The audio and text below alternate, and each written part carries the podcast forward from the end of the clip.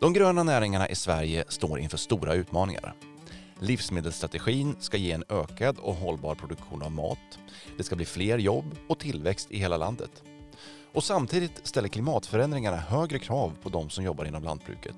Både när det handlar om att bli mer fossilfria och mer motståndskraftiga mot extremväder. Och därför är det viktigt att själva systemet för hur ny kunskap förmedlas inom lantbruket också fungerar. Inom den europeiska jordbrukspolitiken brukar man prata om begreppet AKIS, Agricultural Knowledge and Innovation System. Ett begrepp som beskriver just hur utbildning, rådgivning och innovation fungerar i olika länder eller regioner. Så hur fungerar AKIS i Sverige? Och hur kan vi bli bättre på att förmedla ny kunskap inom de gröna näringarna? Som du kanske märker så är det också en ny röst här i podden Landet. Håkan Montelius heter jag som har tagit över som programledare efter Malin Marko. Nu kör vi!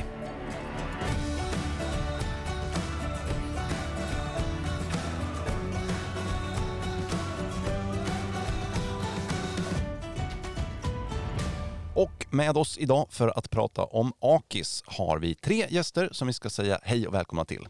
Först ut Per Hansson, verksamhetsledare på SLU Kompetenscentrum Företagsledning. Hej och välkommen Per! Tack för det. Vi har även Elisabeth Hedén, ordförande i LRF Ungdomen. Hej Elisabeth! Hejsan Och sist men inte minst Jesper Broberg, förbundsdirektör på Hushållningssällskapets förbund. Hej! Hej, tack så mycket. Men om vi börjar med första frågan till dig Per. Vi kommer ju nämna begreppet AKIS en hel del den här gången. Och för den som inte är bekant med begreppet, skulle du kort kunna sammanfatta vad det betyder? Eh, uh, AKIS det är en förkortning av Agricultural Knowledge and Innovation Systems. Och det använder vi ju då traditionellt, uh, ser vi ju det traditionellt som en kedja där kunskap ska flöda fritt mellan de olika aktörerna i en sån här kunskapskedja. Och typiskt ser man ju det då att eh, forskningen genereras i, eh, forskningen genererar ny kunskap som kommer ut i utbildningsinstitutionerna och via till exempel rådgivare når vidare ut till, till slutkonsumenten av kunskapen i, som vi ofta då ser primärproducenten. Mm. Tycker du det är ett bra sätt att beskriva det på som en kedja? Är det så det ser ut i verkligheten?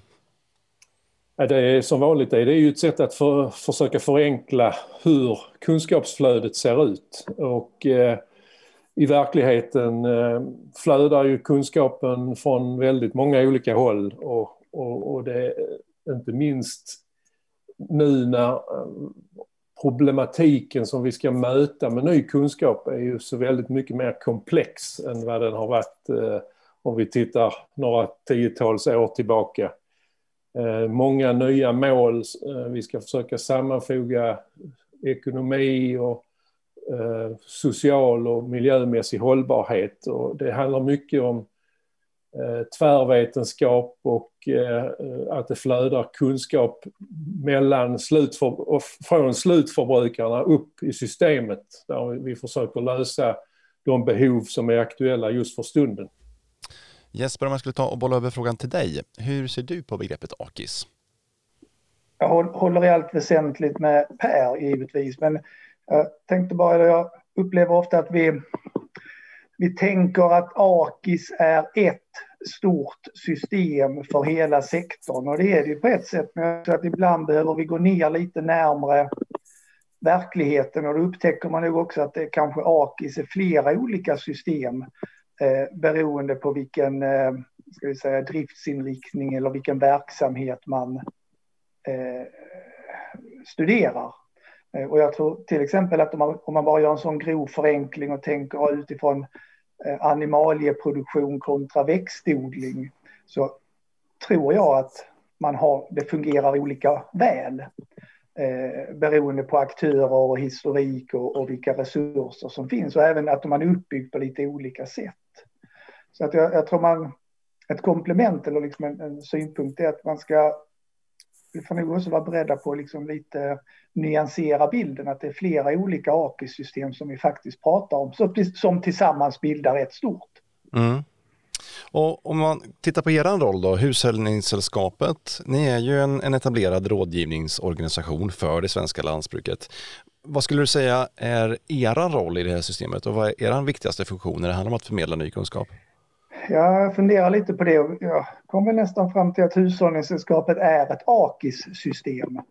För att det är ju som du säger, vi har ju rådgivare, eh, men vi har ju också skolor, vi har forskare, vi har fältförsök, eh, gör olika utvecklingsprojekt och så vidare. Så att jag, jag skulle nog säga att vi, vi har inte en roll. Vi finns på lite olika platser i hela systemet. Men framför allt inom växtodling och ekonomi. Eh, mindre inom animalieproduktionen. Mm. Vi ska släppa in Elisabeth i samtalet också. Du är ju ordförande i LRF Ungdomen och om vi nu pratar kunskap och innovation, vad skulle du säga är viktigt för unga lantbrukare för att kunna satsa långsiktigt och, och våga ge sig in i branschen?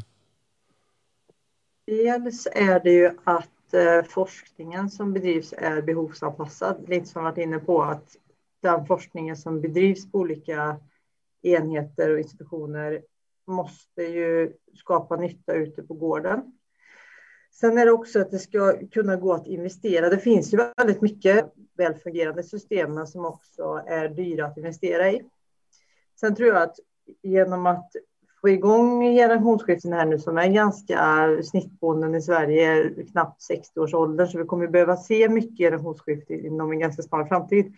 Och eh, det har ju visat sig att unga lantbrukare, när man kommer hem till sin gård eh, eller om man kommer in i branschen, att eh, man kommer in med lite färska ögon och kan, kan se de här investeringarna och satsningarna mm, på ett nytt sätt.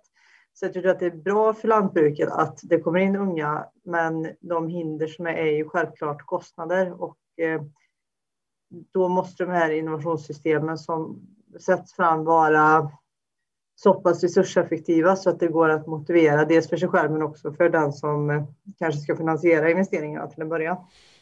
Mm. Menar du att eh, de, de innovationssystem som finns idag är mest anpassade för stora lantbruk och mer eh, resursstarka och att de är sämre anpassade för, för småskaliga lantbruk? Nej, jag tror att jag tror att det är, eh, jag tror att det finns både och, precis som Jesper var inne på där, att eh, det här är flera olika system. Eh, både, både att det skiljer via produktionsgren, men att det också självklart att har du, har du två hektar odlade grönsaker och är aktiv på rekoringar så måste du ha ett visst informationsflöde av vad kunder önskar och var kunder befinner sig och, och så vidare. Och arbetar du med storskalig spannmålsproduktion eller slaktgrisar eller mjölkkor eller vad man nu är, så kräver det ju andra informationssystem. Mm. Så att jag tror det är viktigt med, med en bredd som är ja, som sagt behovsanpassad efter vilken verksamhet som finns. Och jag tror att det finns plats för både små och stora företag i framtiden och både för ekoringar och för större industrier. Per, vad skulle du säga, vad ser du för brister i dagens system? Hur fungerar det med eh, kunskapsöverföringen idag? Ja, det traditionella är ju att man eh, säger att forskningen inte når fram.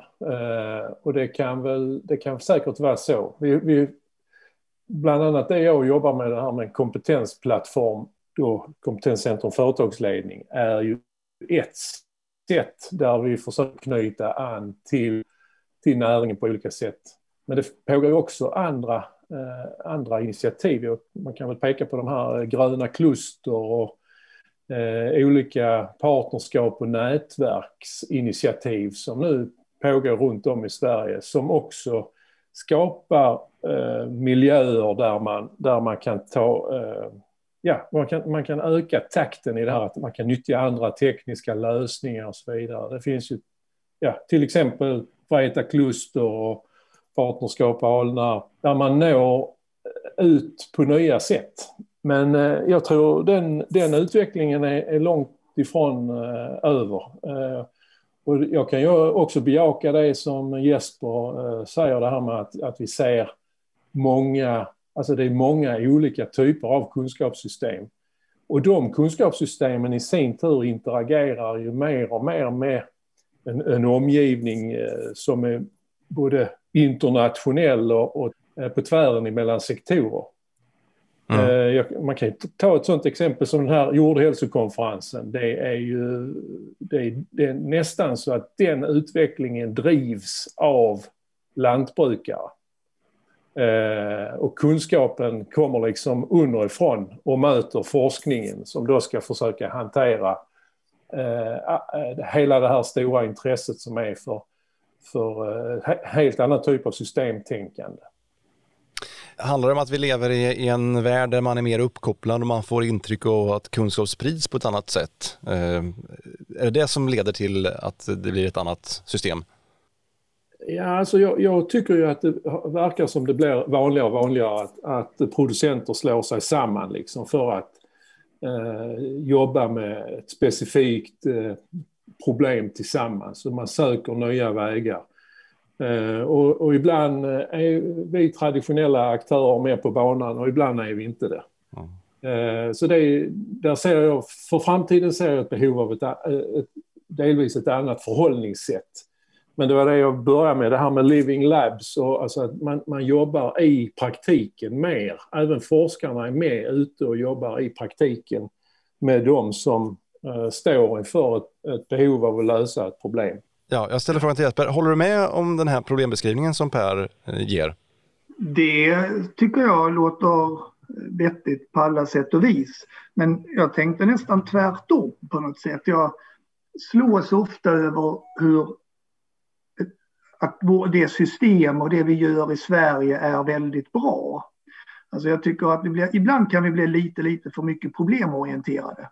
Eh, och jag kan bara som exempel, så om man tittar på lite innovationsklimatet i Sverige så vi genomför just nu en tävling som heter Hushållningssällskapet AgTech Challenge där olika innovationsprojekt får vara med och tävla. Och vi hade över 50 sökande till den här tävlingen där vi plockade ut 15. Så jag menar det, det kryllar och det sjuder av olika innovationsidéer runt om i, i, i lantbruket men även i angränsande branscher.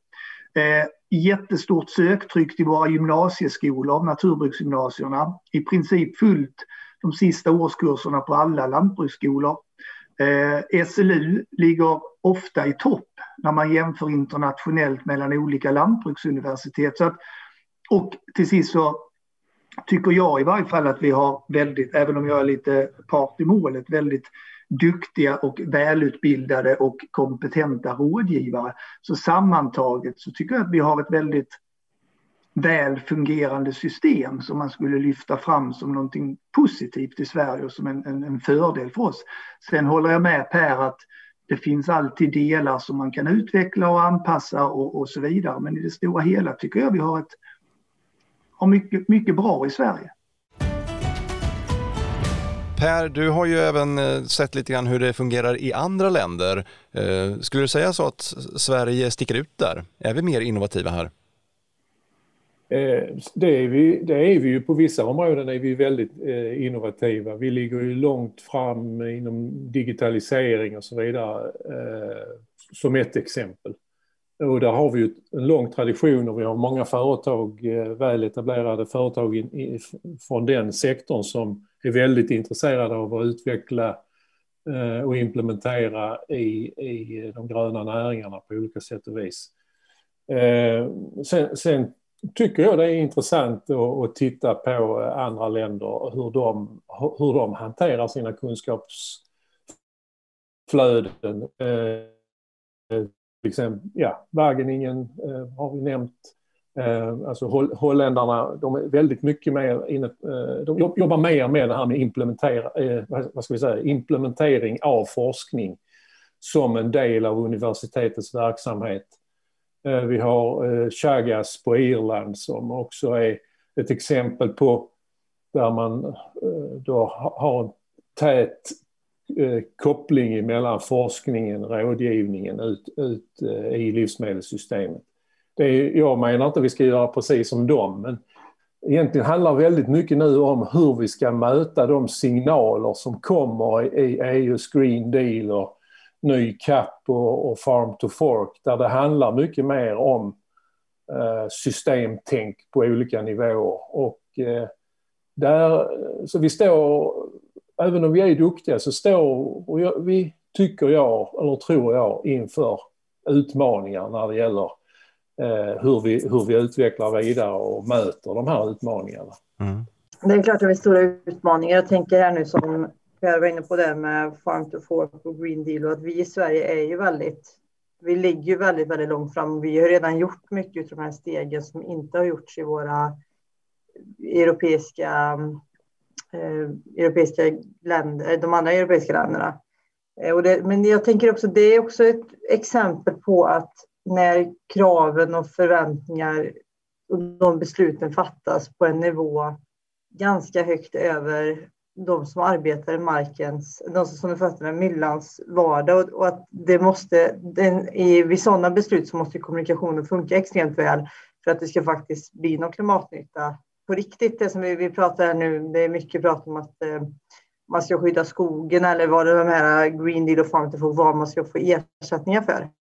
Och det är klart att om, om de här ersättningssystemen inte slår rätt rent effektmässigt på gårdsnivå eller på landsnivå så man, man, kan ju styra extremt mycket och få mycket nytta samtidigt som det finns en risk med att man det styrs lite snett uppifrån och man inte uppnår den klimatnyttan och resurseffektiviteten som man hade kunnat nå annars.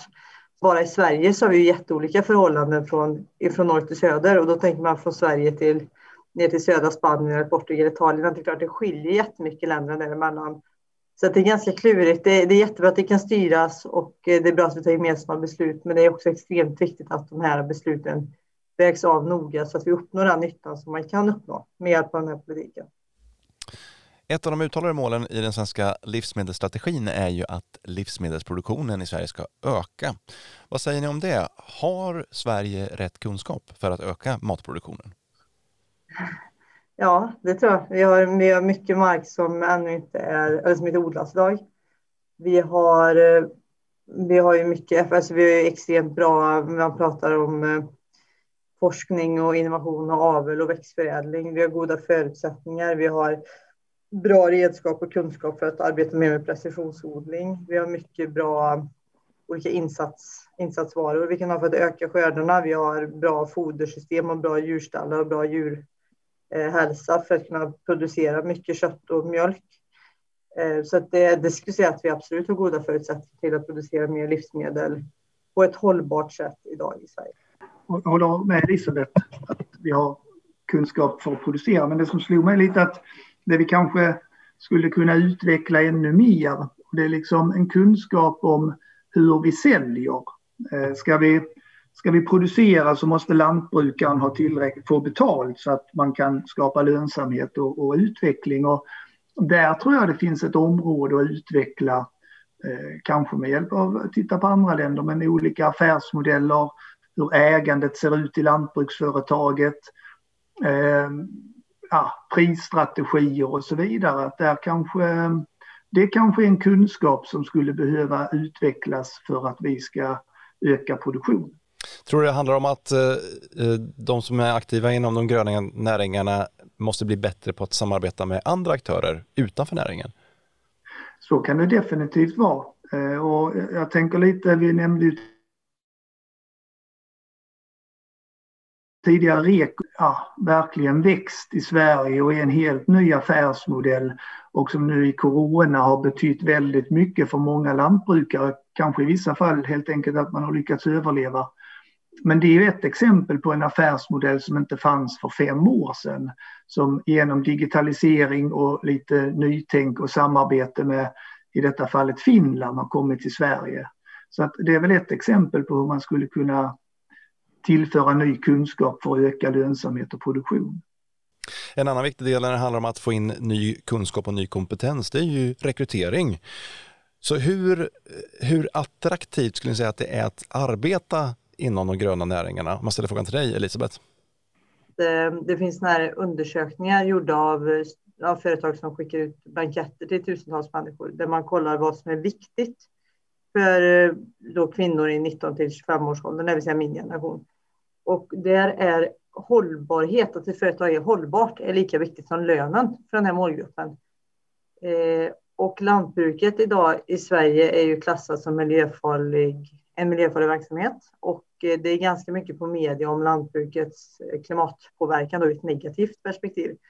Så jag skulle säga att eh, för att få in fler människor vilja läsa de här agrara inriktningarna på gymnasiet eller på universitet, kanske dels för att arbeta med, med fötterna i myllan och faktiskt eller för att arbeta med forskning i de områdena, så skulle vi nog behöva bli bättre på att kommunicera ut vad lantbruk är idag och eh, vilken klimatnytta lantbruket gör. För det, det, är viktigt för människor i min generation. Och eh, jag är helt övertygad om att hade bara den här kunskapen som vi sitter inne på, som arbetar i branschen, nått ut, så hade det varit enklare att attrahera fler människor till alla olika delar i ledet mm. av eh, lantbruket. Jesper, håller du med om det som Elisabeth säger? Absolut. Det där är ju liksom någon form av grundläggande utmaning att, att eh, eh, inte bara till, som lantbrukare utan även som rådgivare eller forskare eller poddproducent eller alla vi som på något vis liksom jobbar med lantbruket. Hur får vi de bästa talangerna i Sverige att vilja vara verksamma inom de gröna näringarna på olika sätt och visa att det här är en fantastisk värld med många möjligheter och många lösningar på, på samhällsproblem. Eh, så att ja, stärka varumärket Svenskt lantbruk, det är någonting som jag tror vi alla behöver jobba med och det är en överlevnadsfråga som verkligen handlar om AKIS. Eh, och då tror jag som, som Elisabeth är inne på att tänka till på hur, hur beskriver vi egentligen svenskt lantbruk?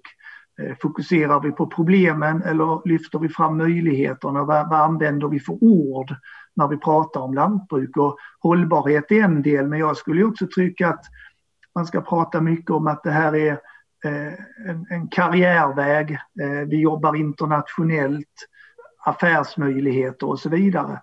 Att det attraherar en viss typ av människor som skulle kunna finna mycket spännande att göra inom lantbruket. Och det får faktiskt bli sista ordet i dagens avsnitt av podden Landet. Stort tack Jesper Broberg, Hushållningssällskapet för att du var med här.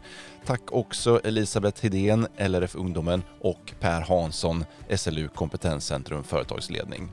Och tack till dig som har lyssnat. Hoppas att vi hörs igen i nästa avsnitt av podden Landet.